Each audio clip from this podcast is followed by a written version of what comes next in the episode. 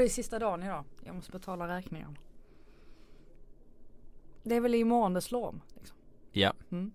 Jag har ju lite räkningar att betala. Ska vi börja med den eller? Underbart intro. 31 oktober, 1 november är det imorgon. Um, Allsvensk podd är tillbaka. Det har eh, hänt en del sen vi satt här senast även om det inte har gått så lång tid sedan dess. Vi har ju haft ett stormöte mellan AIK och Malmö FF. Eh, Frida Fagerlund, hur mår du? Välkommen Mm. förresten. Tack, jag mår, eh, jag mår bra. Det är en intensiv eh, vecka. Jag gillar att du gick på ledighet när allting typ drog igång. Ja, Skönt. Medan man själv har kastats in i den här allsvenska slutspurten. mm. Så att imorgon blir det Östersund. Och så får vi väl se beroende på utgången ikväll mellan BP och Norrköping. Om Ja, det blir en guldmatch eller ja inte. exakt. Jag tänkte på en sak, vi skulle bara äh, återknyta till den gamla podden den 25 oktober. Han är den, deras nya målvakt. Vi slog fast att Jakob Rinne skulle bli ny målvakt i Djurgården. Eller typ i alla fall. Men sen eh, förlängde de med Vaiho. Typ samma dag. Eller dagen efter. Jo fast å andra sidan måste de ju ha två Ja. målvakter. Han blir fortfarande reserv. Han säger ju själv att han vill slåss eh, om första platsen såklart. Mm. Eh, annars är det ju ingen idé att fortsätta. Nej. Men eh, de ska ju in en till oavsett. Så Ja. att eh, vi, vi kan nog vänta oss att eh, det kommer hända någonting där i december. Ja. Eh, vi går direkt på det som är mest uppseendeväckande den här veckan i, ur, eh, när det gäller den allsvenska fotbollen och kanske när det gäller all fotboll i alla fall som jag följer. Eh, matchen mellan AIK och Malmö FF som om vi ska sportsligt eh, prata om den är ju tre poäng till Malmö fram till en frispark som är fantastisk i, i slutet av matchen från signerad Sebastian Larsson och då blir det delad poäng. Jag var jätteimponerad av Malmö FF på, jag satt hemma och tittade på den i och för sig så jag såg inte live, man får kanske en annan bild men jag tror att du har samma intryck i alla fall av att du var imponerad på det sättet som Malmö FF hanterade AIK på bortaplan. Det råder ingen tvekan om att det är Norrköping och Malmö FF som har varit de bästa lagen som AIK har mött i år. Mm. Eh, Så är det bara. Mm. Ehm, Och precis som du säger så, så gjorde MFF en riktigt bra match. Jag var osäker på med tanke på att Europaspelet låg så tätt inpå och många av de spelarna som spelade mot Sarpsborg skulle starta mot AIK också. Ja. Jag var lite osäker på om orken skulle tryta och sådär. Mm. Men de får ju verkligen matchen precis dit de vill. Eh, Och de lyckas med någonting som väldigt, väldigt, väldigt få lag har lyckats med i år mot just AIK. Det är att få spelarna ur balans. Mm. Ehm, och det såg man ju direkt att det var mycket frustration hos AIK-spelarna. Vet, jag pratade med Oskar Linnér som erkände också att han inte tappade huvudet men att han lät ehm, MFF-spelarna frustrera honom så till den grad att, att det tog över lite grann. Ja. Eh, och det är väl också resultatet av all denna frustration som har puttrat på under samtliga 90 minuter som liksom verkligen kokar över Ja. när Sebastian Larsson drar in det där kvitteringsmålet. Ja. Eh, Så att jag förstår eh, helt och fullt att det här måste kännas som en förlust för Malmö FF. Eh, Statistiskt sett så var ju de också värdiga tre poäng. Ja. Men det är inte alltid så det funkar i fotboll. Och det här året så känns det verkligen som att AIK har det där lilla extra som krävs för att man ska vinna SM-guld. Ja och, och undvika förlora, förlora Ja, matcher som, ja de där poängen. Vi har ju Norrköping, du var, du var på Norrköping med? Vi, Mm. vi var på den, ja den när de Li- vänder lite till likadant. Ja exakt, de, ja, där vänder de ju andra men absolut jag håller med. Eh, och sen gör väl Rasmus Lindqvist eh, 3-3. Det är till och med värre än så. De leder väl med 2-0. Norrköping gör tre mål. Ja de gör tre mål, ja just det, de gör tre. 3-2 och Ja. sen så räddar Rasmus Ja. Lindqvist dem. Och säger man då att man har, det kan man ju alltid använda ordet om Men förlorar de de två matcherna så tittar du på de poängen de har nu och kollar vad de andra har Så ja, då hade det ju sett annorlunda ut så det är små marginaler, det är oerhört små marginaler eh, Och eh, de förtjänade ju, Malmö förtjänade mer och AIK ska vara glada för den poängen de fick Sett till hur, hur Malmö FF eh, genomförde den matchen. Också väldigt imponerad av det och det visar ju någonstans hur, hur bra tränare Ove Rössler är och det visar också hur bra det här laget egentligen är. Nu har de, har de ju förstärkt med folk i somras och så men det är ganska klart att vi satt och pratade om Magnus Persson inför säsongen också att han var ju verkligen inte rätt man för att leda i alla fall den här upplagan det här året. Uh, och, och, så. Nej men jag tror väl lite det var en sån här lite Real Madrid syndrom någonstans att man tappar sin bästa spelare och så ersätter man inte honom riktigt och sen så blir man förvånad över att det inte ser lika bra ut som det gjorde föregående säsong. Ja. Eh, så upplevde jag i alla fall att det var. Eh, och sen eh, Anders Christiansen kom in och Eh, inte bara han givetvis utan eh, liksom alla, alla de andra spelarna och att de har höjt sig och, och Rössler har verkligen fått ut max och sådana som eh, mm. Rex och eh, Traustason mm. och så vidare. Så så känns det ju verkligen som att de, de hade ju de flesta pusselbitar redan innan. Sen var det bara någonting litet mer mm. som krävdes. Så att nu är de liksom, nu visar de ju här att de, de är fortfarande eh, Sen är ju frågan om det var Magnus fel att han inte varvade den pjäsen. Att han hade möjligheten att plocka in en till men han hittade inte den eller kunde inte hitta den eller om det var Daniel som inte ville. Alltså man kan ju också Ja fast oavsett vad så borde han ha varit bättre förberedd. Ja det borde han, det håller jag med om absolut. Han borde, ha, lite... han borde ha sett det för det är ju det som är en tränares uppgift att kunna se när du glider in och du har den pengasistan de har, du är favorit så borde du kunna se, ja ah, okej okay, kommer det här funka eller inte funka? Det är lite det som är tränarens uppgift. Mm, och det, det syntes ju väldigt tidigt in. Jag tyckte ja. Svenska cupen såg ju bra ut eh, fram till finalen då ja, jo, jo, det, ja. Eh, men finalen var ju lite längre fram. Eh, men annars så såg man ju ganska tidigt att det var någonting som inte riktigt stämde i mm. MFF. Eh, och då tänker jag nog främst ändå på bortamatchen mot Sundsvall. Eh, där Bachirou blir skadad också. Mm. Där borde man ha insett att det här kommer inte bli jättelätt. Särskilt inte nu när Bachirou väntas bli borta flera mm. veckor också. Eh, men eh, visst det är lätt att vara efterklok. Jag tror att MFF och inte minst Daniel Andersson har lärt sig jättemycket från den här säsongen. Jag är övertygad om att de kommer vara med och kämpa om titeln nästa år som vanligt. Men mm. det har varit ett litet mellanår. Vi får se hur långt de går här i Europa League. Det kan ju reda upp en hel del. Mm. Eh, Sebastian Larssons mål eh, i det läget. Eh, den touchen där, den frisparken eh, är ju 5 plus. Det är inte så mycket att snacka om tycker jag. Hans firande däremot är inte 5 plus. Eh, det är en 1 plus för mig och jag kan jag har sett att det är många eh, som håller på hans lag som tycker väl att det firandet är, är häftigt och sådär vilket jag inte alls tycker. Han är alldeles för eh, mogen och rutinerad för att springa och kasta sig framför eh, bänken så. Jag hade bara, man bara började tänka lite efteråt om det hade varit ombytta roller om någon hade gjort det i Malmö framför den bänken och var den här kvällen hade slutat eller om någon hade gjort det vid tidigare tillfälle. Hade han varit 18, 19, 20 år, absolut. Då hade man nästan kunnat tänka sig att ja, det där spår lite väl. Men det firandet är så dåligt gjort. Han bad om ursäkt till slut någon gång mitt i natten där. Eh, vilket var bra gjort av honom även om han i, i den bästa av världar borde förstått det långt innan. Det är en kille som spelar i landslaget, han har varit utomlands, han är, vad var han, 33-34. Eh, så det var allt annat än, än, eh, än begåvat eh, gjort tycker jag. Jag är, jag är väl lite av den här uppfattningen att jag, har, jag kan ha två tankar i huvudet samtidigt. Innerst inne, den mogna delen av mig är fullt medveten om att man ska inte fira framför en bänk på det där Nej. sättet. Det är jätteonödigt och hetsa mot motståndare.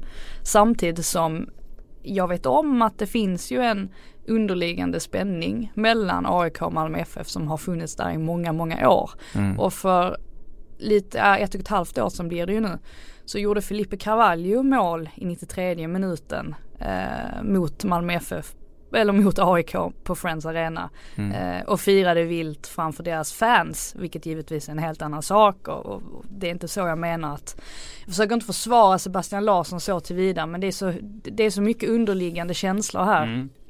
Eh, däremot så blir jag ju förvånad över att Sebastian Larsson var så himla tydlig i somras när Tyskland firade Exakt. mot eh, den svenska bänken. Att så gör man inte och han skulle inte ta emot någon ursäkt eller någonting. Nej.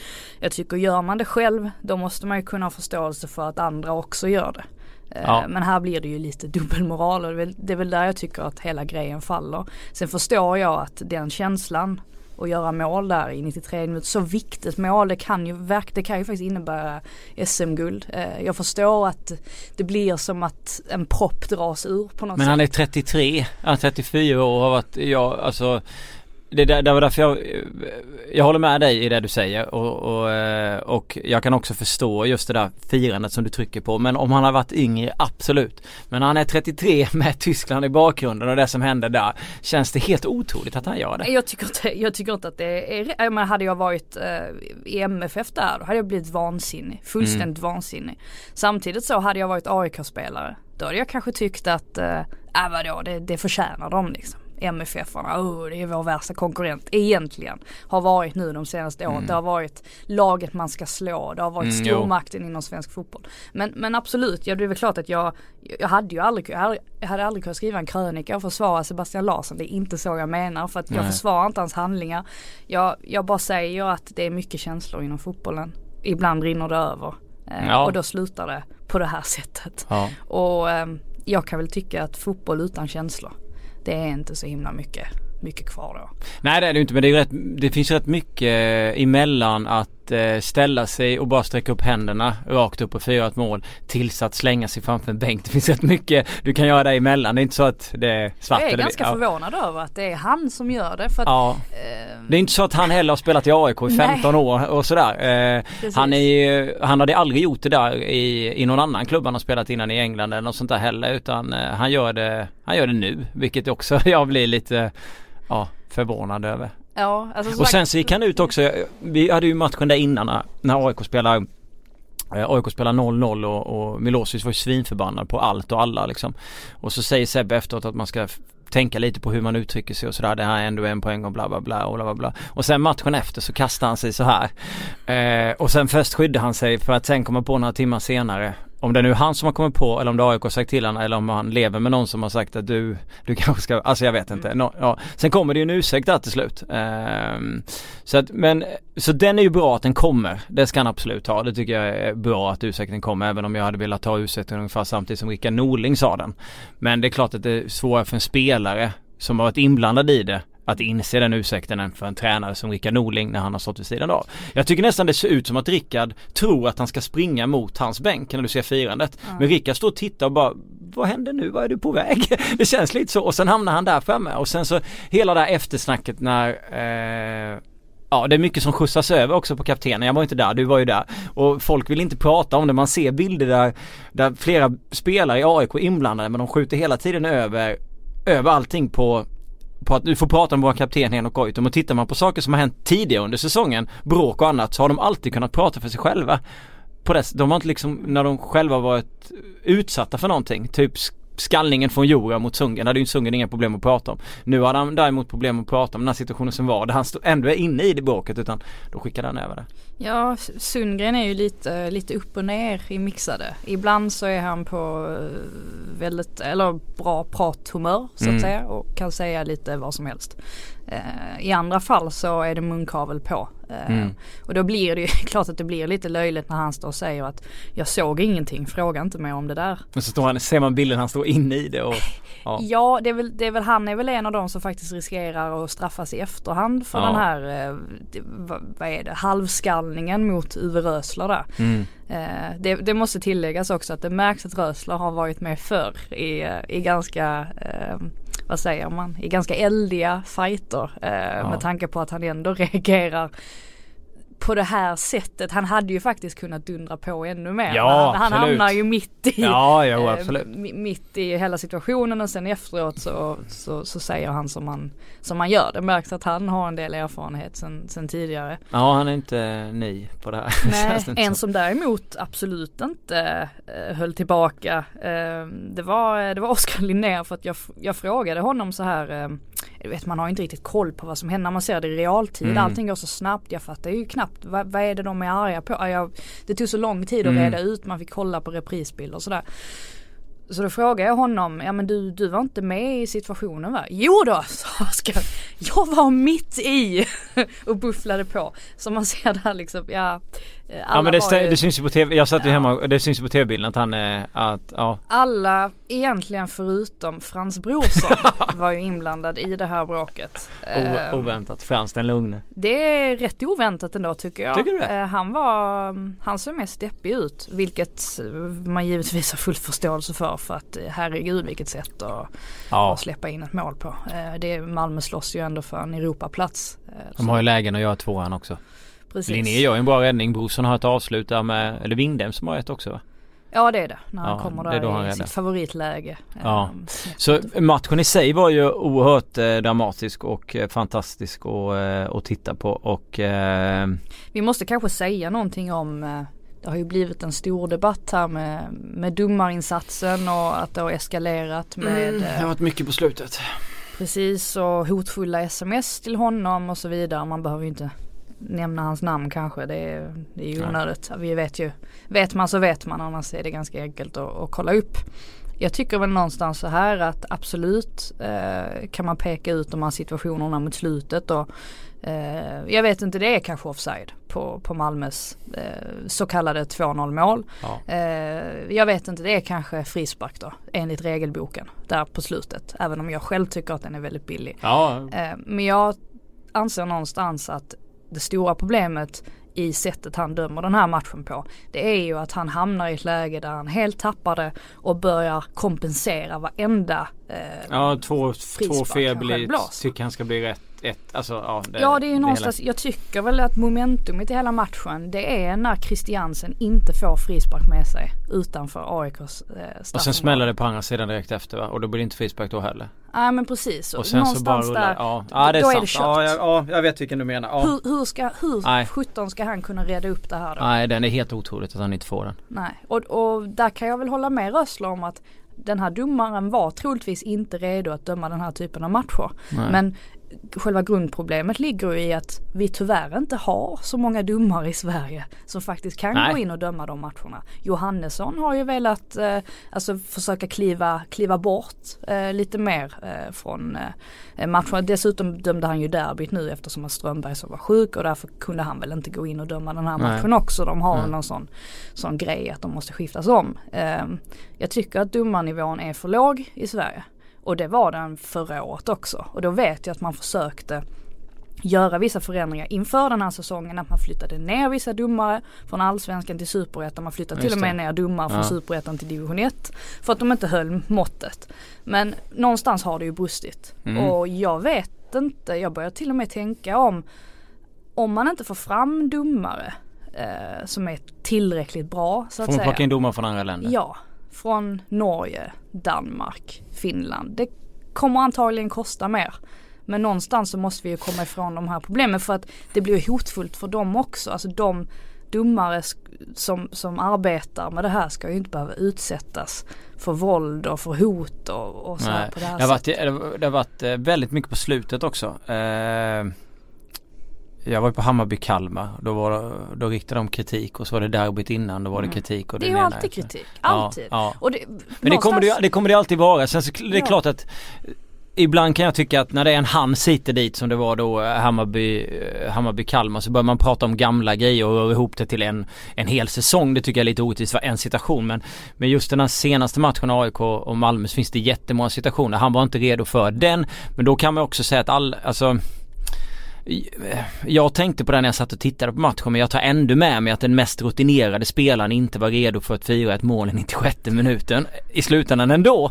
Så då känns det som att, ja alltså jag, jag förstår problematiken. Jag tycker att det är skönt att du lägger fram den på det sättet att eh, det handlar mer om eh, hur vi ska liksom eh, få ordning på det än, än just att han var, att han var svag i, i andra halvlek för det är lätt att, eh, så att, ja det håller jag med dig om att eh, eh man, man borde nog verkligen kolla över situationen till nästa år. Eh, Jag, hur man jag, ska liksom. jag ser ingen annan möjlighet än att införa VAR till exempel. För att det har trots allt, man kan vara jätteemot eh, nya tekniska hjälpmedel för Mm. domare och så vidare. Men det har faktiskt underlättat extremt mycket för domare i både Serie A och Mm. La Liga. Det mänskliga ögat har inte möjlighet alltid att uppfatta alla situationer och då är det säkert någonting som domarna både på gott och ont kan luta sig tillbaka mot lite grann. Att de känner en sorts, det blir som en liten snuttefilt att man vet om att VAR finns och då ja. kanske man kan bli lugnare i sitt arbete om du förstår vad jag menar. Ja absolut, jag fattar. Eh, för någonting måste ju måste hända, det kan inte fortsätta se ut så här, det är inte hållbart för någon. Med det sagt så eldar ju vi i media på för att vi vet ju om att spelarna kommer ut där i mixade zonen och är fullständigt vansinniga på de här domsluten. Ja. Ah, jo absolut, jo, jo, så är det ju och det är väl det, är väl det som gör att eh, att det blir fel och det, blir, det, är ett svårt sätt att förhålla sig, förhålla sig till. Eh, men ibland så väljer man ju eh, faktiskt att inte ta med vissa situationer i sina texter som man ibland kan göra. För att man inte heller vill att det ska Eh, kanske läggas för mycket krut på vissa, alltså du vet så här, situationer som inte alltid är så jätteviktiga men som supportrar däremot kan hänga upp sig på. Och man vill att de vill att de ska skapas ett driv för sådana situationer. Men så är det ju absolut. Men, men så kan man ju vända och vrida på allting mm. eh, när det gäller saker som händer på fotbollsplanen. Återigen komma tillbaka till Sebastian Larsson. Tror ni att hans firande är bra för supporterkulturen i Sverige? Tror du att slänga sig framför en bänk gör att det blir bättre när han kommer ner till Malmö till exempel eller kommer någon annanstans?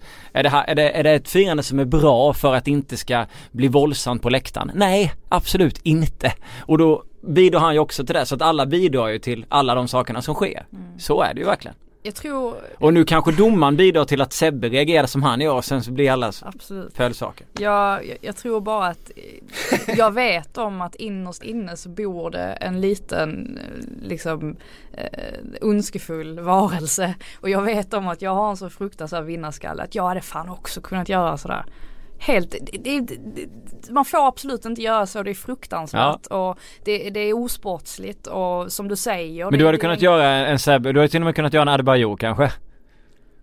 Springa förbi, nej det hade jag aldrig gjort. Jag, jag är en oerhört dålig förlorare. Jag, Ska du vara ärlig liksom? Ja, har man, har man mött mig på fotbollsbanan division 5, 6, 7, 4 och vad det har spelat så har man nog också märkt att jag eh, kan vara en dålig förlorare. Jag kan också vara väldigt bra eh, motspelare, plocka upp folk och hjälpa och så här. Men jag kan också vara en dålig förlorare. Men, men när man ändå liksom, eh, det, jag tror inte att du riktigt kan sätta dig in i den situationen. Å andra sidan, du spelar en fotbollsmatch som alla tittar på i Sverige som är intresserade av fotboll. Du är en landslagsman, du är rutinerad, du har haft ett eh, bra sportsligt liv eh, och hela den här biten och du är där du är. Jag tror att man har gått igenom olika processer och mognadsperioder som fotbollsspelare. Så att det du säger idag i din ålder som du är här utan att vara elitidrottare. Jag tror inte riktigt du kan sätta in hur du har reagerat där. Jag kan förstå att du säger att det finns säkert en ond person i mig. Men om du har spelat fotboll, vi säger tio år till på den här eh, nivån så hade du nog ändå inte gjort det. Tänk så många som har haft möjligheten att göra så här som inte har gjort det det är inte så många som gör det, firar på det här sättet. Nej absolut, nej jag förstår ju helt klart och, och som sagt jag, jag kan ju inte, jag, jag är ju tillräckligt, eh, vad, vad, säger man, jag kan vara tillräckligt saklig för att absolut förstå att man kan inte sitta och försvara en sån grej. Nej. Jag bara menar att jag kan någonstans också ha förståelse för att känslor Ja, ja, alltså ja, ja, ja absolut. Jag har kanske varit hård mot, eh, mot firandet här men jag, jag tycker att man eh, Eh, jag, jag, tycker verkligen som jag säger, sen kan jag absolut förstå att känslor kan ta överhand och att du gör saker som du som du kanske inte trodde att du skulle göra när du satt och funderade på om du skulle bli målskytt i den match eller ja, och så vidare. Ja, det finns ju många sådana firanden som man har i bakhuvudet som man, som man kommer ihåg när Mourinho springer in och glider på, på gräset eh, när han är tränare för Inter och de har slagit ut Barcelona eller för den delen Mujo Tankovic i, i Hammarby som ja. spring, gör mål i, i Holland så har han varit bänkad och hoppat in och gör mål så springer han och sätter sig på bänken för att visa mot tränaren att jag borde spela från start. Så det finns ju många sådana men då är Mujo ung i det läget. Det är inte Mourinho Mourinho och det är inte Sebastian Larsson så att, Men absolut, jag, jag fattar vad du menar men eh, jag tycker ändå att eh, eh, det finns säkert en hel del som kan göra det. Du hade kanske kunnat göra det Frida, även om jag inte tror att du hade gjort det. Men jag, eh, när det gäller firandet om man ska bedöma det utifrån eh, så vi väljer ändå att ge det 1 plus och hans mål 5 plus. Ja absolut och jag förstår ju helt klart att hade jag varit MFF supporter så hade jag rasat fullständigt. Ja, jag, jag, hade, jag hade kunnat, jag hade stängt av varje gång svenska landslaget hade spelat för jag hade inte orkat se Sebastian Larsson springa runt på den planen. Nej, det, det, jag, det har jag absolut förståelse för. Ja. Samtidigt som man som aik tycker väl att det här är legendariskt liksom. Jo, sen kan man spä på det AIK mot inte AIK och det blir vi överallt. Alltså absolut jag fattar det där men och sen när det gäller spelare, alltså Sebastian Larsson som spelare så har jag absolut, alltså som person eller som spelare har jag inget emot honom även om jag inte gillar hans firande. Det vill också ska framkomma för, ja, eh, jag tyckte ändå så att han fick lite av en eh, revival när han tog tillbaka sin landslagsplats. Det kändes som att folk började gilla honom mer och mer. Jag kommer ihåg när, när han skrev på och skulle flytta hem till Sverige och spela för, för AIK. Han skulle spela VM i somras men så började jag kolla på gamla tweets och grejer som hade varit kring honom när han spelade EM 2016. Det var inte så jättepositiva eh, åsikter kring Sebbe. Så han har ju verkligen, fick ju, har ju verkligen fått en revival under, under Janne. Typ som Ola Toivonen till exempel. Och det, det är nog många som tycker bättre om både Ola och Sebbe och, och andra landslagsspelare eh, än vad det var tidigare. Så att han som spelare tyckte man ju ändå var härligt på något sätt att han kunde ta tillbaka en landslagsplats och, och vara så bra i VM. Jag tror att den här frisparken, alltså för honom personligen också, har gjort att, för att när den här övergången blev klar i somras så är det väl klart att alla aik fattade att här kommer en spelare som är riktigt, riktigt bra till oss. Men samtidigt är det en spelare som har noll AIK-hjärta från början så att det blir, blir liksom inte den, blir inte den tyngden bakom värvningen eh, på något sätt i alla fall. Och så nu med den här, dels hur han har presterat under hösten. Men också klubbmärket efter målet. Ja, det blir bra. Ja, men någonstans, någonstans så har han ju nu har jag ju lyckats med det där. Alltså nu har jag lyckats bli en i AIK-familjen på riktigt. Det, mm. det tror jag kände i det ögonblicket. Det var ju, ja, det, jag, jag, kan inte, jag kan inte släppa det fortfarande. Jag, kan, jag sa två sekunder innan frisparken så den, den här sitter så. Vi kan lika jag skrev mål liksom i, i live. Men, ja, ja. Jag, jag, bara kände det på mig. Alltså, det blir, det blir mål. Han kanske ville slå Kennedys firande. Han tänkte jag måste göra något som blir bättre än Kennedys. Jag fångar ölen så jag gör något som Jag vet inte, är det bättre att dricka alkohol under match eller kasta sig framför. Ja, jag röstar på Kennedys. Kennedys var ju, ja. Han ville kanske skapa, jag menar med att han ville skapa mer rubriker kring sitt firande. Jag, tror, jag vet inte om han tänkte. jag, jag kan ju tycka att det allra sämsta med det här firandet det är ju trots allt någonstans att alla som inte kollar speciellt mycket på svensk fotboll får luft i lungorna. Ja så är det ju. Ja. Och eh, får belägg för att fotboll är en uh, jag tenderar att eh, uppmuntra till våld och så vidare och så ja. vidare och så vidare och så vidare. Det är ju trist att det är så. Ja. För så är det ju absolut inte. Det är mycket Nej. känslor. Men inte mer än så. Ja, absolut. Eh, det kommer då bli lugnt de sista omgångarna. Det känns det som efter det här. Det har varit lite väl mycket. Jag, jag, jag att bereda mig på det värsta. Va? Är du det? Nej, nej inte efter det här. Ja, nu känns det som... det känns, kan gå hur som helst alltså. Där. Jag tänker på Östersund-Djurgården också, hur stökig den var. Det var första omgången. Ja men ja, efter det här så kommer inte de hitta på någonting med eller? Nej, antagligen inte. Vi får se. Ja. ja hur som helst, eh, jag tror fortfarande de vinner och de är väldigt värdiga mästare i, i, eh, i min bok. Eh, än så länge efter 27 omgångar. Så är de definitivt det. Om de nu vinner. Men jag tror att de gör det. Det tror väl du också eller? Uh, ja, jag har ju väldigt svårt att säga att Norrköping skulle förlora mot BP uh, idag eller ikväll som det blir. Uh, sen samtidigt så har jag väldigt svårt att säga att AIK kommer att låta detta glida ur händerna på dem. Mm. Det känns inte som att det finns någon guldfrossa riktigt och det beror väl också på att nu får de ju faktiskt med sig en poäng mot Malmö. De får sista ordet. De går ja, därifrån jag tror med det, massa det positiva ja. känslor. Det hade varit helt, alltså tänk om de hade förlorat den matchen. Ja. Då tror jag att de hade Han har skjutit över. över där typ och så hade det varit, mm. ja, nej då, då tror jag också att det hade kunnat gått skog. Ja, det var mycket Sebastian Larsson. Det är inget konstigt med det. Eh, väcker säkert reaktioner där ute också. Eh, Häckenvän frågar, jag tar lite fråga. Tippa topp 5 i sluttabellen. Hinner du Uh, ja, någon, uh, ja det kommer det bli. Eh, podden kommer komma ut innan kvällens drabbningar, ja. Det var när jag Topp 5. Mm. AIK vinner, Norrköping blir tvåa. Ja, jag satt ju och tittade på detta eh, precis innan jag kom hit och insåg att jag fortfarande inte har en aning om hur topp 5 kommer att bli. Eh, vilket känns eh, lite eh, märkligt. Tittar man på MFFs spelschema till exempel så har ju de eh, Örebro, IFK Göteborg och sen Elfsborg sista. Det är ändå överkomligt spelschema. Och vi tänker oss att de plockar nio poäng här på dem. Jag, I mm. min bok är väl egentligen Örebro den tuffaste motståndaren just nu. Uh, IFK Göteborg ser ju inte Hammarby, Hammarby har, ju, har ju ett tufft schema med Sundsvall borta, Häcken hemma och Östersund eh, borta. Så de tror jag inte plockar 9 poäng. Vilket gör att äh, Malmö automatiskt kommer kliva lite närmare dem. Medan Häcken har Sirius hemma, Hammarby borta och Norrköping hemma. Mm. Så jag tror nästan att det blir Malmö som Jag tror faktiskt Malmö kommer trea. Jag har en liten eh, Häcken 4 och Hammarby 5. Det skulle vara för att Malmö Kanske. har ju trots allt en Europa League-match emellan där. Mm. Eh, det skulle ju vara om den på något sätt hemma. Det känns ju inte så om man ser på den insatsen som var och den, Jag de tror de är pass... förbannade nu också. Ja, de har, bred, de har ju så jävla bred trupp med liksom så det känns som att nu, ja nej, jag kan inte se. Men då är vi överens om att eh, AIK vinner, Norrköping blir tvåa. Malmö trea. Hammarby eller Häcken fyra. Mm. Jag tror nästan Häcken. Häcken känns som att de är i galen form. Å andra sidan så kommer det ju alltid en dipp den kanske inte hinner komma innan säsongen är slut. Det får man ju ändå. Skulle det vara så att Hammarby nu halkar ner ännu mer i tabellen. Då måste det ju någonstans ändå ses som ett litet misslyckande med tanke på vilket, vilken sits de ändå satt i. Um, nu så sent som i somras. Ja. Um, och det, det är väl klart att Stefan Billborn har gjort det jag menar våren var ju sensationellt bra. Mm. Uh, inget snack om saken. Jag tycker fortfarande han är, han är jättebra tränare men de måste nu rannsaka sig själv lite också. Vad var det egentligen som, som gick snett? Fel, ja. Vad var det som gjorde att vi inte orkade hela vägen fram? Spelar med samma lag för mycket kanske? För, för smal trupp? Kanske inte skulle Sen samtidigt, det. de hade inget Europaspel och sådär som, som hämmade och tyngde ner. Så att det är också svårt att skylla på det. Men visst mm. absolut, han har ju spelat mycket samma, samma spelare. Men då får du inte så mycket utveckling på de som väl hoppar in sen heller.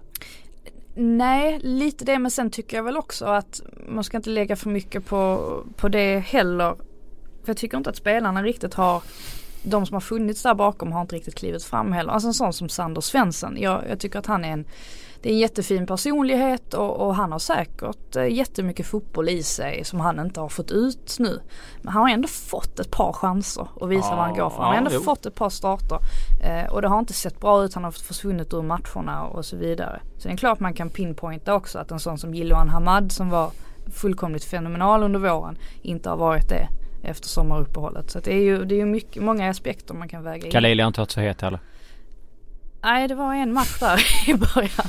Eh, nej men alltså som, ja det finns många. Fyra starter och 14 inhopp har Sander gjort. Noll mål. Förra året gjorde han eh, nio starter, sex mål. Mm. Så att det är väl, eh, han mådde bättre under en annan tränare. Eh, än vad han gör nu. Det är ju ganska, det är ganska klart. Men alltså Östersund har ju Hammarby sista och de har AIK nu. Skulle de slå AIK och Hammarby och sen så har de Trelleborg däremellan. Eh, det är inte riktigt deras underlag och så men Men de har ju också en möjlighet faktiskt att eventuellt plocka en topp 5 placering. Så vill det sig riktigt, riktigt mm. illa så kan ju någon av de där lagen. Men jag AIK, Norrköping, Malmö, Häcken, Hammarby. Någonstans där. Hammarby kan ju definitivt komma trea med. Det är inte där liksom men Ja. Eh, jag tycker det känns otroligt ovisst. Ja. Det ska bli otroligt intressant här de kommande ja. veckorna. Uh, Jesper Fjärås uh, Om det blir kval mellan Dalkurd och AFC, vad kommer publiksiffrorna att bli i båda kvalmatch? Kommer Dalkurd ha mer folk borta än vad de har hemma? Alltså det är här jag måste, nu måste man, nu måste man sätta ner foten här alltså. Det är, mm, det, det, är så otroligt sorgligt. Alltså jag förstår fullt ut Dalkurds situation när man har flyttat klubben från en stad till en annan och sen dessutom så spelar man sina hemmamatcher på en stad som ligger väldigt långt bort från den staden man faktiskt har klubben i just nu. Jag förstår att, att det blir svårt att dra folk dit och så vidare. Men är det verkligen så vi vill ha det? Man har hånat Trelleborg alla år för att eh, de har 1500-2000 på sina matcher. Men det här är ju bisarrt liksom. 200, 200 pers på en match. Ja, ja. Det, är, det är inte bra för serien. AFC var ju eh, ett exempel som kom första. Eh, men det, här, det har blivit eh, absurt i år. jag håller med med Dalkurd. Det kan inte, det kan inte, det kan inte få pågå så här. Sen här, om nu Dalkurd skulle klara sig kvar Mom deserves the best, and there's no better place to shop for Mother's Day than Whole Foods Market. They're your destination for unbeatable savings, from premium gifts to show-stopping flowers and irresistible desserts. Start by saving 33% with Prime on all body care and candles. Then get a 15-stem bunch of tulips for just $9.99 each with Prime. Round out Mom's menu with festive rosé, irresistible berry chantilly cake, and more special treats. Come celebrate Mother's Day at Whole Foods Market. Så är det väl klart att det säkert kommer att se bättre ut nästa år eftersom att de kommer att spela i Uppsala och Uppsala är närmare till Stockholm Jo. och större upptagning. Men borde man ens få byta byta stad från första början? Känner att man borde gå tillbaka till Alltså den, den traditionisten inom en tycker absolut inte att det här ska Nej. vara okej. Sen vet man ju att man, man kan inte heller vara sådär svart på vit och, och hålla fast vid, vid gamla traditioner på det sättet. För att allting utvecklas ju och inklusive fotbollen. Så att någonstans måste man väl vara öppen för förändring också och att det här kan Jo. ske ibland. Men visst, det är väl klart att jag vill vara jättekonservativ och tycka att så här kan det inte gå till. Behåll Trelleborg i allsvenskan och så skicka ut Ja du vill att de ska få sin plats bara för att Ande andra har ja. ja det är ju det är ett sunt eh, Nu var det någon som frågade om eh, vi kanske skulle göra ett eget avsnitt om den här palaven som var i måndags. Jag tänkte, hade du någon åsikt om muren? Eh, alltså åsikt och åsikt, det är ju fel. Det erkänner ju till och med domarbasen. Domarbasen tycker ju däremot att både det här mål, MFF-målet som blåses av för offside och ehm, frisparken är korrekt dömda. Men han erkänner att muren stod fel. Mm. Så att det är ju ingen snack om saken. Så är det ju. Ska frisparken slå om? jag skojar bara. Alltså nu är det ju otroligt svårt att ändra på det i vilket fall. Så att eh, jag tror att vi kan lämna den. Ja, såg folk har ju vevat den här muren ganska mycket efteråt. Men det är ingenting vi kan eh, göra någonting åt. Eh, Andreas Hasselberg har TFF-spelarnas Instakonton påverkat Frida Fagerlund sedan sist? Det där, det, eh, det var inte smart av mig att säga det. Nej men eh, jag, jag har dolt några konton så att jag inte blir eh, så att jag inte blir påverkad av dem. För jag känner att nu, eh, nu måste jag, jag klamrar mig fast vid det här lilla lilla hoppet som ändå finns kvar. Att man kan nå Ja. ne- negativ kvalplats och eh, försöka kvala sig kvar. Mm. Eh, och det känns som att eh, den här upphämtningen mot Elfsborg där till 2-2 det var, det kändes ändå som att det var någonting där som eh, eh, var lite eh, hoppingivande. Mm. Dessutom gjorde Salif Kamara Jönsson sitt första Ja det var, det var ju fint på karriären. sitt sätt. Eh, vi ska prata om eh, Helsingborg här snart men jag måste ändå eh, lyfta Elfsborg. Eh, de tappar den matchen där och Såg de, du matchen igår alltså? Och sen eh, så spelar de 0-0. Nej jag hade bara på den ett litet tag. den, eh, den tittade jag på. Men jag såg, jag 90 såg inte mycket för att jag kände inte att det var någonting som gav mig någonting en ledig kväll. Alltså varför har Elfsborg inte fått mer kritik den här säsongen egentligen? För den fotbollen de spelar eller den fotbollen de inte spelar och så lite som de får ut från det laget. Det beror ju på att de har en mindre fanbase än vad... Men är inte det sorgligt? Borde man inte känna som supporter eller så här, bara, är det ingen som bryr sig? Är det ingen som bryr sig? Jo, Att det är går... klart, ja, Guliganerna bryr sig. Såklart. Ja men att inte, alltså att de tycker utåt att det är ingen annan än vi själva. Det är liksom, det skrivs inte så mycket, det debatteras ingenting, det är liksom inga Och tror du jag håller på Trelleborg då? Tror du det är så jävla roligt? Nej men alltså, ja men, det, ja, men då måste du förstå vad jag menar med Det är bara 50 per som bryr sig. Ja, men alltså det riktigt. måste kännas konstigt för att bara så bara, jaha, utanför Borås är det ingen som Ja, alltså jag kan ju tycka så här, jag, jag, jag gick här och muttrade igår. Det, det var väl främst Du muttrar rätt jag, ofta Ja, men det var, det var väl främst i det här fallet för att jag ville ju att Elfsborg skulle vinna så att eh, Dalkurd inte skulle dra ifrån av den enkla anledningen i botten. Eh, och då gick jag här och muttrade och gormade lite grann om att Åh, titta på Elfsborgs trupp. Kan de inte spela bättre än så här och kan de inte göra mål där? Och det var klart att de hade vissa lägen, jag tror det var Dresevic va, som mm. Träffade ribba och stolpe och det var en Jo otroligt det märklig bollbana. och hörnor och Eh, Dyer hade ju ett skott där i, med typ tre sekunder kvar där jag faktiskt trodde att här blir det mål. Jag höll, Hans på utveckling göra, i Elfsborg kan man också diskutera eh, jag höll på att göra en Sebastian Larsson där. Jag hade tänkt slida framför redaktören så här om han hade gjort mål men nej det hände ju inte. Eh, Men jag menar efteråt så det säger ju Jimmy Tillin själv också. Han gav ju en ganska rolig intervju där Va? med, med Seymour. Nej, alltså nu menar jag ju tvärtom när jag säger så givetvis. men, eh, nej men då säger eh, Daniel Kristiansson som intervjuade, då säger han grattis, ni har klarat er kvar i Allsvenskan. Och Jimmy Tillin bara tyst i två sekunder och sen Ja, jag är inte så nöjd med den här insatsen säger han. Eh, och det är väl, eh, det förstår man ju för att det såg ju inte bra ut överhuvudtaget. Eh, jag tror absolut att, jag tycker det är starkt ändå på något sätt klarat sig ur den här lilla knipan som de ändå befann sig i. Det var inte så länge sedan eh, som de faktiskt hade en otroligt lång eh, förlustsvit och, och sådär. Men sen samtidigt som med den truppen så är det väl självklart att det finns andra lag som ska åka ur allsvenskan. Alltså jämför till exempel Trelleborgs trupp med Elfsborgs trupp. Det är ett skämt ju. Ja, Elfsborg är. är ju så mycket bättre på varenda position egentligen jämfört mm. med Trelleborg. Men Ändå ligger de så långt ner. Men det här visar väl också lite att eh, Thelin eh, han gjorde det absolut bra eh, i Jönköping där ett år och sen så åkte han ut året efter och sådär men just det där att man bör väga in också att det tar lite tid för en tränare i en ny miljö och så och sätta och han är inte så erfaren heller på den nivån liksom att det tar tid så att det väl Absolut och jag kan väl någonstans eh, jag vet om att man ska, man ska passa sig jäkligt noga också för att hamna i den här fällan där där de tränarna som är karismatiska, där det kanske inte går så bra för deras lag, men de är karismatiska, svarar ordentligt på alla frågor. Då känner man automatiskt nästan mer sympati för den tränaren och tycker att ja, han känns bättre. Fast att det kanske i själva verket är så att Jimmy Tillin som inte alls är karismatisk på samma sätt svarar otroligt kort på alla frågor inåt, alltså mot hans eh, spelare och så här och inom laget så är han kanske en jättebra tränare. Mm. Det måste ju finnas någonting där för att annars hade ju inte spelarna gått ut efter match, match efter match och sagt att de tror på den här processen. Så att mm. jag vet inte. Jag, jag tror väl också kanske att han behöver lite mer tid då. Jag kan ja. inte, den dagen spelarna vänder sig, vänder sig emot honom då absolut kan jag köpa. Vi, jag pratade med någon som inte, ja en kompis om det där. Vi pratade om just eh, Thelin och vi pratade även om eh, Poya Asbaghi som är ännu yngre. Eh, Thelin är väl en 40, Poya är, är 33. Ja, någonting så. Jag är så dålig på ja.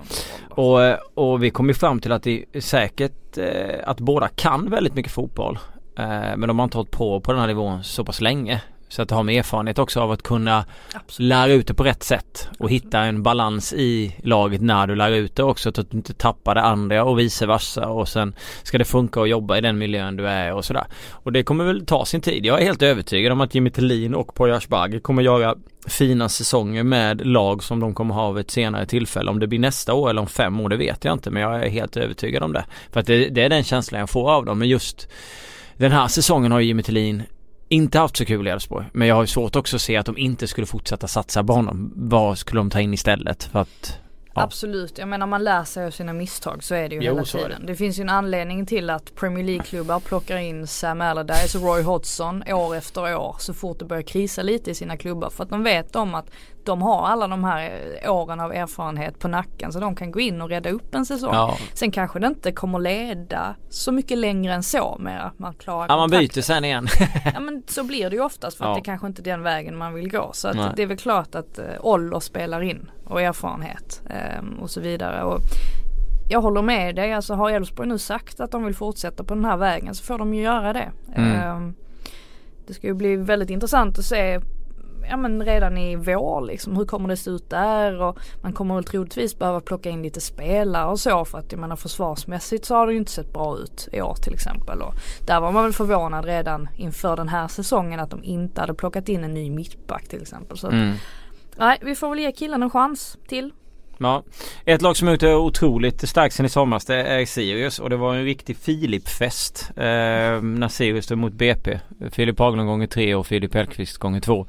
Eh, och sen gjorde väl Robert Åman Persson det andra målet av dem där. Eh, Haglund har ju blivit eh, en riktig skyttekung ju. Han ja, öser in mål. Han, eh, Kliver fram när det blåser som mest och... Jag minns att förra säsongen så var ju hans grej att göra det avgörande målet på stopptid. Jag ja. tror han gjorde det så här tre matcher i rad så var det säkert inte men någonting sånt. Mm. Eh, det var otroligt anmärkningsvärt i alla fall. Oftast nickmål också så här, jag ska, jag ska se hur många mål han har gjort det. Eh, och det råder ju ingen tvekan om att han är en viktig spelare i, i Sirius och jag, jag är oerhört imponerad av Sirius men någonstans och precis som jag sagt tidigare så är jag ju inte förvånad för att det är ju en ganska stabil klubb ändå. Man får komma ihåg att det stormade ganska rejält där i våras med med eh, Joshua Wicks som försvann helt plötsligt. Man Stängdes hade... av i tusen år eller någonting enligt svensk fotbolls avstängningssida. ja, och sen så Fegrush då som fick ställa sig istället oh. och det, det, det, var ju ingen, det var ju ingen höjdare. Nej. Eh, där i början i alla fall. Eh, till exempel och, och, med alla de här skadorna så att någonstans så har de ju ändå suttit inne på all den här kvaliteten. Jag menar Moses Ogbo är ju ett ja, annat absolut. exempel på en spelare som men, håller väldigt hög klass. Så är det ju men du Han är på hjärtat, du trodde väl inte att Filip Haglund skulle ha 10 ball innan säsongen började? Ja men det, det, det 10 mål! Jag kan ju komma på 10 andra grejer som är mer uppseendeväckande ja. i Allsvenskan. Faktiskt. Ja. Han gjorde hattrick senast. Jag trodde inte att han skulle trycka in 10 baljer. Nej. Nej nu är vi olika. 10 mål på Filip Haglund? Åh herregud. Ja det är starkt om du, om, om du hade gissat inför säsongen så hade jag gett dig eh, 10 flak Nocco. på Linus Alenius att han skulle bli skyttekung typ för två år sedan. Och du gjorde det? Ja fast då var det ju fel säsong. Jag, jag skulle ju ha sagt det för, vad blir det? Jag sa ju det för säsongen 2017 men han väntade till säsongen 2018. Haglund hade gjort två efter halva.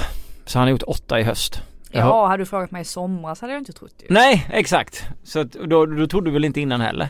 Innan säsongen då? Och så ja. hade du sagt till mig så här, Filip Haglund kommer göra 10 mål. Jag hade bara okej. Okay.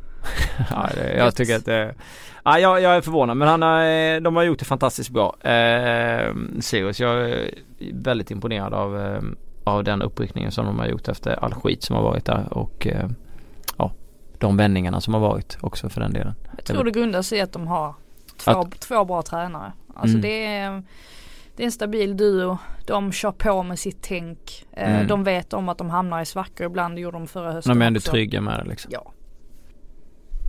Ja och sen har vi BP och Dalkurd och, och, och TFF längst ner där. Det är väl fortfarande kört för TFF eller? Nej, där är ju en liten, liten, liten Du tror på det igen? Senast så sa du att det var kört ju. jo men går de rent här nu de tre sista omgångarna?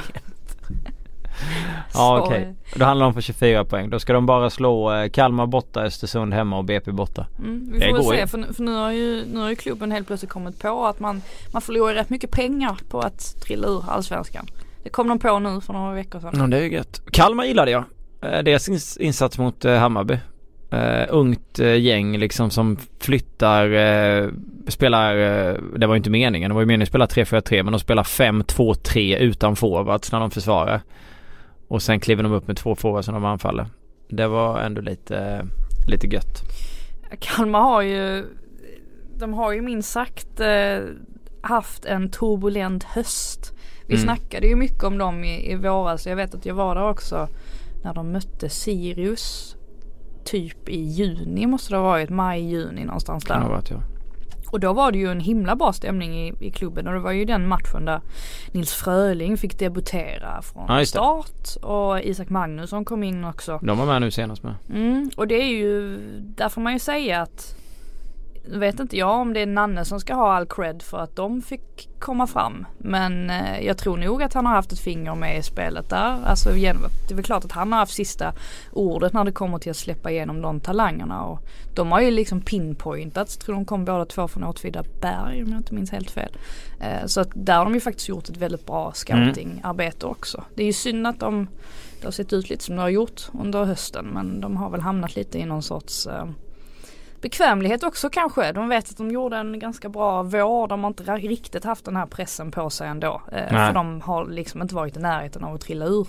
Um, så att uh, ja, lite synd att de slarvar bort det på det sättet. Ja verkligen. Jag känner med han som mejlade mig där och tyckte att jag hade fel inställning till Kalmar FF uh, när jag tippade dem lägre ner i tabellen. Det var när de gick så pass bra. Uh, känner lite med honom. Jag kommer inte ihåg vad han hette men han mejlade och tyckte allt var så bra i Kalmar och sen när det började gå dåligt. Ja tråkigt för dem. Eh, men eh, sen är det tråkigt med Nanne också. Hoppas att eh, han kan komma tillbaka. Men vi lämnar Småland. Och så river vi av lite Helsingborgs snack. Helsingborg? Ja, vad känner du kring det? Vad känner du kring HF? Eh, där ska vi inte börja. Eh, nej. nej men jag, jag, tycker att det är kul att HF är uppe. Eh, jag tycker det är kul för, för Skåne.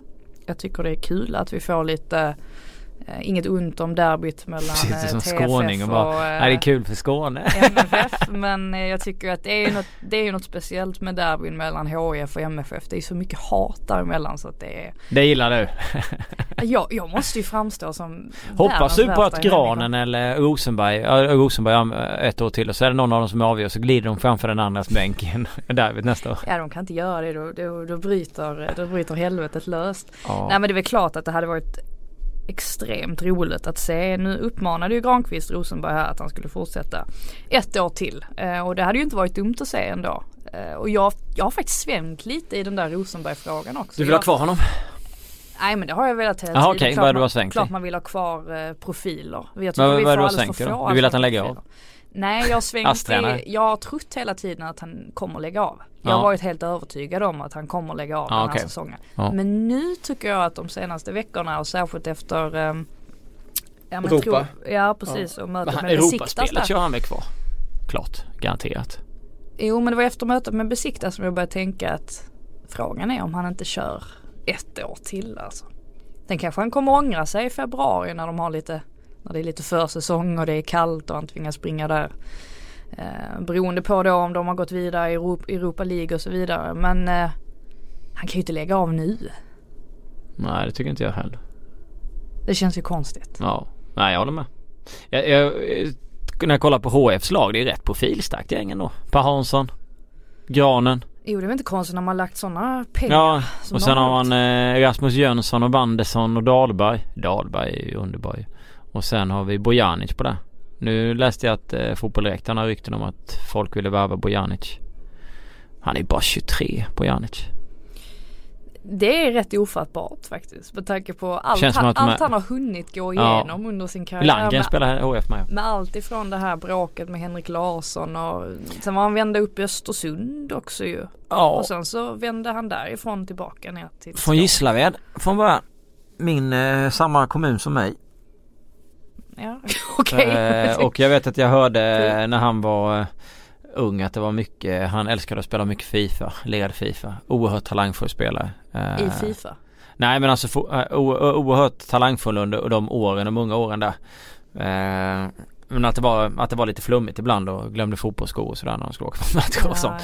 Eh, men det, han har ju, han har ju definitivt eh, något oerhört eh, bra i sig. Sen är ju frågan om vi kommer få se det på, på eller på vilken nivå vi får se det om man får ihop det. Om man, ska man kvar i Helsingborg eller ska han göra en sån här flytt? Eh, ja, och, och Om man nu trivs i Helsingborg så ser jag ingen anledning till att han ska flytta redan nu nej. Eh, Men äh, vi, får, vi får väl se. Jag har väl en liten känsla av att Helsingborg möjligtvis, om nu Trelleborg åker ur, att de kanske kommer snegla lite åt några talanger där. Som exempelvis Felix Hörberg som har ändå sett Oh. hyfsat ut. Det är en jobbig övergång alltså. Men eh, HF är ju, de välkomnar man väl upp? Det är väl härligt? Ja men det tycker jag. Det är som sagt med tanke på att vi har fått se en del lag nu de senaste åren Mm. som knappt drar några människor alls till sina matcher så är det väl roligare även om jag menar Helsingborgs publiksnitt har ju inte varit jätteimponerande ändå det ska sägas. Mm. Men sen det kommer ju höjas när de kliver upp. Ja de har fina faciliteter, alltså nybyggd eller omgjord arena där. Nya Olympia ser ju, är ju väldigt fint där. Och fräscht och så vidare så ja, jag välkomnar dem upp. Mm. Några eh, sista ord eller är vi klara för idag? Jag vet inte. Det känns väl, vi har otroligt flummig podd. Jag vet inte om jag kommer bli sågad nu för mina Jag, jag har inte så PK-åsikter liksom. Jag är väldigt jag, är, ja. Men så är det ju i, i- en podd ska man komma ihåg att eh, vi är två personer som sitter här och diskuterar och pratar och uttrycker våra åsikter. Sen är det inte så att eh, vi krönikerar i, i samma ämnen eller sådär utan då är man ju reporter när man är ute så då har man ju en annan, en annan eh, uppgift. Så, eh, Jag, att tror man, jag tror man slits lite mellan att vara en person som tittar på allsvenskan utifrån mm, och samtidigt vara den här personen som älskar allsvenskan Ja, och som brinner för Ja. allsvenskan. Det kan vara ganska svårt att balansera däremellan. Man vill ju hitta en bra nivå och Ja. lägga ribban på. Um, sen ibland Men, så känner jag att man kan svikta över åt antingen det ena eller andra hållet. Jo så är det Sen är det ju liksom Du körde ditt, eh, din rant där mot TFF och, och eh, där med de som har lagt ut grejer på, eh, på sociala medier. Jag gick på Sebbe ganska hårt. Sen när man är ute som reporter det är inte så att man går på spelarna på det sättet utan det är ett annat forum. Men, det ska man komma man ju, ihåg.